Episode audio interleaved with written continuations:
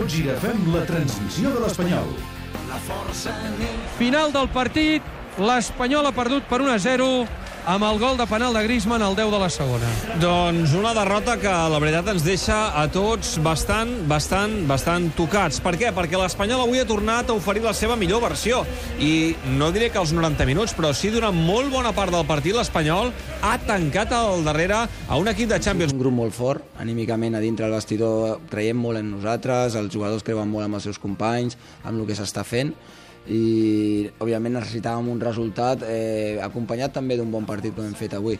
No ha pogut ser, però tots som molt conscients de que si seguim treballant amb aquesta línia els resultats tornen a ser bons i si tornen a ser bons pues, eh, tornarem a escalar posicions i estic segur que, que això ho demostrarem a la segona volta. Els resultats tornaran a ser bons. Això deia ahir l'entrenador de l'Espanyol, Rubi, després d'aquesta derrota ahir. Ho explicàvem a Catalunya Ràdio, al Wanda. 1-0 contra l'Atlètic de Madrid i una dada que fa mal. Sisena derrota seguida en Lliga, igualant la pitjor ratxa històrica de l'Espanyol. Sis derrotes consecutives. El més lògic avui era fer un gabinet de crisi, però veient el joc ahir de l'equip de Rubi i les cares de la gent que m'acompanya a l'Estudi 3 de Catalunya Ràdio, no sé si hem de matisar. Les cares que veig són les del David Balaguer. Com estàs, David? Bona tarda. Bona tarda, què tal? Bé. Les del Dani Ballar. Dani, què tal? Bona tarda. Bona tarda. I no el veig cara a cara, però m'ho imagino, ho intueixo, també la de l'Eudal Serra. Eudal, què tal? Bona tarda. Bona tarda. Segur que tinc les mateixes cares que ells, eh? Sí, no? A veure, um, jo us podria dir fàcilment, això d'avui és un gabinet de crisi o no, David? No. No, Home, eh? és el, el gabinet de crisi podria ser-ho perquè portem sis derrotes consecutives, que és l'autèntic problema del partit d'ahir. L'únic problema del partit d'ahir. Mhm. Ahir, per exemple, si tu encares aquest partit amb 26 punts, posem per cas, ara, avui, estaríem dient que l'Espanyol va fer un partit excel·lent, que no va mereixer perdre, que va perdre, que no passa res. Clar, el que passa és que l'Espanyol porta sis derrotes consecutives. Llavors, crec que arribats a aquest punt es tracta de oblidar tot el que ha succeït aquestes últimes sis jornades, oblidar-ho totalment i començar de zero a partir del dia 4 de gener, que és el dia que jugues contra el Leganés, i que el partit, vulguis o no, i veient com s'està comprimint la Lliga i veient tot el que està passant, es converteix en un partit que aquí sí que serà cap dalt per veure què passarà amb aquest espanyol les, les pròximes setmanes, no? Però per mi les coses són així de clares. Quan amb esport tens la sensació que les coses no surten bé, és important mirar-te-les amb petits objectius. Mm -hmm. Més que mirar que portàvem cinc partits perduts, ho hem de mirar amb, amb un objectiu molt concret, que era el partit d'ahir. Si tu mires el partit d'ahir, tu vaig estar ben feliç i content de com està l'Espanyol. L'Espanyol ahir respira salut. Una salut que ha estat treballada per en Rubi des del principi de temporada, des de la pretemporada, que ens va enamorar al començament d'aquesta lliga i que ahir tornem a veure el fruit de tot aquest treball, fins veure com un equip de Champions està totalment tancat al, al seu camp a disposició de la sort i de l'encert de l'equip rival, en aquest cas l'Espanyol. Jo crec que eh, si mirem un objectiu a curt plaç, l'Espanyol pot estar ben tranquil de la imatge que va oferir ahir. De moment són bons, Eudal.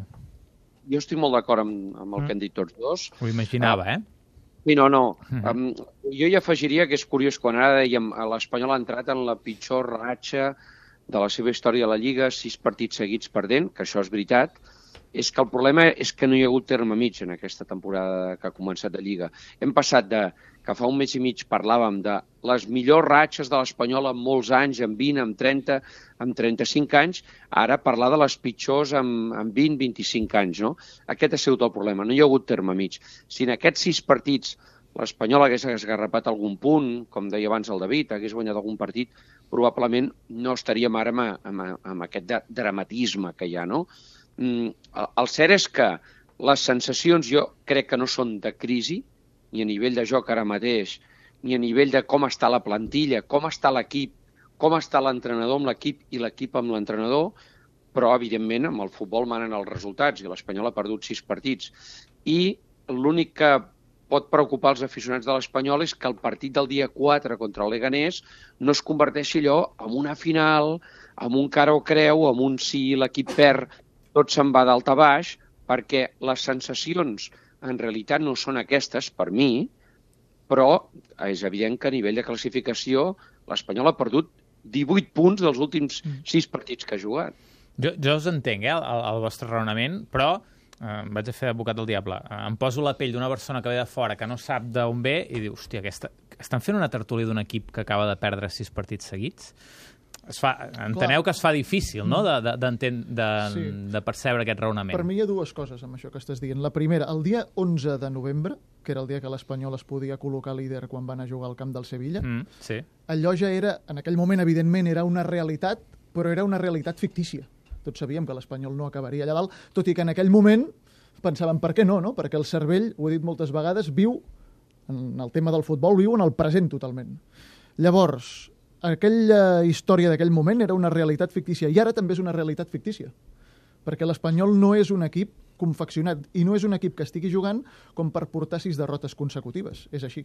Eh, L'Espanyol ja ha fet partits molt bons aquesta temporada i això s'ha d'aferrar al perico.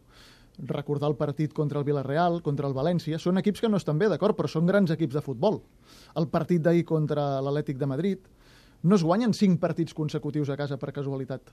Això no passa per casualitat. Uh -huh. Llavors, l'última vegada que l'Espanyol perd sis partits consecutius és la temporada 2003-2004. Amb Clemente, L'Eudal no? i el Dani se'n recorden perfectament. És una temporada on l'Espanyol, ho he mirat, i dic, ah, sí, és aquella. És una temporada on l'Espanyol empata els dos primers partits de Lliga i després en perd sis consecutius, jugant de pena. Ah, no es pot comparar aquella temporada 2003-2004 i aquelles sis derrotes consecutives amb aquestes de la temporada 2018-2019. És que és molt diferent. I per reforçar el que diu el David, et diré que Cornellà, amb aquesta persona fictícia que has posat tu sobre la taula, Xevi, mm. diu, ostres, eh, què passa? Aquesta gent que poden parlar així i porten... Sí, sí, sí. És que no coneix la història de l'Espanyol. O sigui, la història de l'Espanyol és, des de que nosaltres hem arribat a, a Cornellà, quines temporades horroroses portem? Totes. Jo no recordo cap temporada que diguis quina temporada maca Cornellà, no? Cornellà ha estat un desastre, possiblement degut a la gran inversió i al gran endeutament que va tenir l'entitat per construir aquest estadi i tot això es va veure afectat després amb la disposició dels jugadors eh, sobre de la gespa. Llavors, és que fa 10 anys que no gaudim d'un gran moment. Fa 10 anys que teníem aquells de la Penyas, Luis García, Estamudos, que ens van portar amb aquella final de la UEFA i vam guanyar aquella Copa del Rei a Madrid contra el. Saragossa, sí. Després d'això ha vingut el desastre. I el desastre ve, per lo que et dic, per un gran problema econòmic amb temporades, com ha dit el David, horroroses. Jo crec que estem ressorgint, però és que la transformació necessita temps. No podem demanar Pere Salaulmo d'avui per demà. Ha estat una travessia i ja podem donar gràcies de no haver baixat mai a segona. Sí, durant senyor. aquesta travessia. Sí, senyor. Perquè hauria pogut passar perfectíssimament. I l'Espanyol s'ha beneficiat molt del baix nivell de la Lliga. La Lliga ha patit un daltabaix molt gran de nivell. Mm. Compte aquest any, eh? perquè Compte, a- ara sí. el Leganés està Sí, guanyant, és el pròxim rival de l'Espanyol. Um, a veure, allà a baix i tenim a, a, València, a València, Vilareal, Atlètic de Bilbao, que jo crec que aquests, aquests equips sortiran. Aquests equips sortiran d'aquesta zona. Ara mateix l'Espanyol, a veure, dades fredes, eh? és 15è. D'acord? És- eh, està a 6 punts del, del descens, està lluny encara, és el Villarreal que li falta un partit, però és contra el Madrid, però és 15è. No sé també si, si la situació de l'Espanyol és, és de ser el 15è de la Lliga. Això també... Pel joc que mostra, no. No. Pel joc que mostra, no. Però mm, jo millor ara em poso una mica filosòfic, però moltes vegades eh, en el meu esport jo també em, em faig aquestes preguntes envers a la història que, que acompanyen el club, que també estic present avui en dia, que és Club de Sant Andreu, que és ens hem de transformar. O sigui, hem de ser molt realistes de qui som.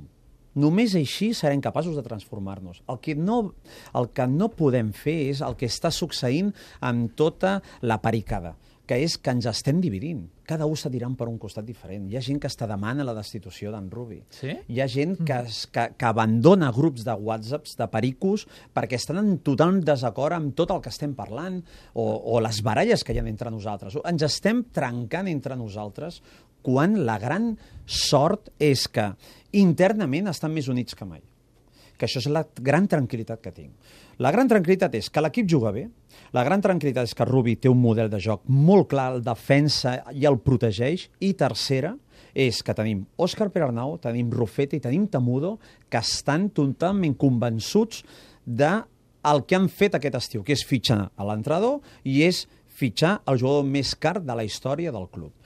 Tot plegat, ells segueixen dormint tranquils perquè tenen molt clar que anem bé. Tot i la circumstància d'ara de perdre els sis Tu, tu, partits. tu Eudal, perceps, eh, ho dic perquè, clar, tu dius més el dia a dia a l'Espanyol, a- aquesta divisió um, dintre de, de, de, de l'aficionat, imagino que deies, no, Dani? Sí. De, de, del club o de la situació actual del club? A veure, sí, però a veure, m'explicaré. Amb el tema, jo crec que l'Espanyol, i potser el que M'ha dic... sorprès, eh? Jo, jo us dic que, mm, veient com està... A veure, també venim d'un Quique Sánchez Flores que era unànim, però... No, Jo, jo no sé si tothom ho compartirà, eh, o tothom hi estarà d'acord, però jo crec que l'Espanyol està més dividit, entre cometes, socialment que esportivament. Uh -huh. Val? I aquest és un tema que ja ha sortit aquesta setmana i que se n'ha parlat i que jo estic bastant d'acord amb algunes de les coses que s'han dit aquesta setmana. És a dir, l'Espanyol esportivament jo crec que ara té una línia mm, limitada, marcada per tots els problemes econòmics, de que tu no pots estirar més el braç que la màniga, que no es poden més fer, fer més fitxatges dels que podries perquè abans hauries de vendre, és a dir, per tot el tema del fair play econòmic en diuen, no? Però jo crec que ara mateix, ara mateix la direcció esportiva del club té molt clar cap on vol anar. Després et poden acompanyar o no els resultats. Un altre tema és que el club, per mi, socialment, doncs hi ha molta més divisió de la que hi hauria, que la hi hauria d'haver-hi. Per això seria un altre debat mm. molt a part de, de com està l'equip i en la trajectòria que es troba. Independentment d'això, jo penso que l'Espanyol, i no perquè ara hagi perdut sis partits, ho pensava ja a principi de temporada, crec que l'Espanyol, si pot, alguns retocs a la plantilla els hauria de fer, perquè penso que, que és una plantilla justa, que és una plantilla que té un 11 arreglat per quedar molt més amunt d'on està ara, tampoc a dalt a dalt de tot on estava ara fa sis jornades. Parles de mercat d'hivern, Eudal, o de l'any que ve? No, no, no, jo, jo penso que si l'Espanyol ara pogués fer alguna incorporació... Passa que el mercat d'hivern no és el mateix que el mercat d'estiu. El mercat d'hivern és molt més complicat i és molt més difícil fer fitxatges i com que els altres equips saben que vas amb molta més necessitat, també et collen molt més, no? Uh -huh. Però jo penso que l'Espanyol hi havia algunes posicions que l'estiu no va reforçar i que ara s'ha vist que s'han de reforçar, perquè té un bon 11 amb algun jugador més, però li falta una plantilla una mica completa eh, completar-la una mica més dins de les seves possibilitats. I això jo crec que li ha d'ajudar per, per passar la temporada i per, per cobrir una mica el que havien previst des de la part esportiva. Clar, quan els resultats van bé, tot això es deixa de costat. I és obvi que quan van malament es planteja, però és que és així, penso, eh? Sí, és que, clar, ahir, eh, pel que fa això dels reforços, no? ahir, per exemple, quan després el partit va ser molt correcte, i res a dir, eh? però quan veus l'alineació i veus que Òscar Duarte jugarà de mig centre, Mm. Dius, hòstia, que l'Espanyol hagi d'acabar jugant amb Duarte de mig centre demostra que les coses no estan gaire bé. Després, no va ser el pitjor partit d'un mig centre enfundat amb la blanca i blava, això també s'ha de dir. N'hem vist de pitjors. Però, clar, d'entrada, t'espanta quan veus... Eh, dius, hosti, això no ho havia fet ni Quique, no ho havia fet ningú, no? Rubí ho fa perquè no hi ha ningú més, per necessitat, pràcticament, no? Llavors, sobre totes aquestes coses que heu comentat, molt interessant la reflexió del Dani sobre la gent que ara ja vol que Rubi sigui destituït. Probablement és la mateixa gent que quan l'Espanyol anava molt bé eh, l'elogiaven, eh, no? això Ja funciona així, no? La, ja, la, no? la gent funciona d'aquesta manera i aquí hi ha una cosa que ha fet molt mal, no només a l'Espanyol, que evidentment està dividit, sinó a tothom, que són el tema de les xarxes. Si tu et capbusses a les xarxes, Però si llegiràs... fas cas d'això... No, per això, per això, però és que, però és que, però és que clar, és el que, la divisió moltes vegades Ja. ve per aquí, eh? Perquè si tu no mires les xarxes, potser no palpes tant aquesta divisió. Ja. Sí, la pots palpar el dia del partit, però, clar, és que mm, tota aquesta divisió que hi ha mm, és un tema que, com bé diu l'Eudal, s'hauria de parlar un altre dia, i el podem fer un altre dia perfectament, aquest tema, perquè I és que crec, crec és que és David, molt que interessant. per una altra tertúlia, eh? Sí, sí, sí. Donaria No, no, és que totalment és... diferent. Sí, però sí que voldria dir una cosa, és que la gràcia segurament de l'Espanyol durant molts anys, o com a mínim per mi, era que jo podia anar a veure l'Espanyol i al meu costat podia tenir un tio amb el qual no tingués res a veure, absolutament. Fóssim diferents absolutament amb tot, però ens unia una cosa, que tots dos som de l'Espanyol. Uh -huh. I a mi ja m'estava bé veure aquell partit amb aquell tio al costat. Ara sembla que hi ha gent que això mm, Veure li el partit, veure el, no li agrada veure el partit amb segons qui al costat, tu. Ah, sí? Això és el que està passant. I això, per Però mi, això, per mi diem és que ja, penós, ja, perquè... ja no és tan... No té a veure amb l'esport, estem parlant. O, o, No, clar. D'acord, No, no, d'acord. no. No, No, no és- té a veure amb l'esport, això. No. Però és que això està funcionant així, eh? té que veure amb el desig de cada un personalment, del que a mi m'agradaria uh, tenir. Correcte.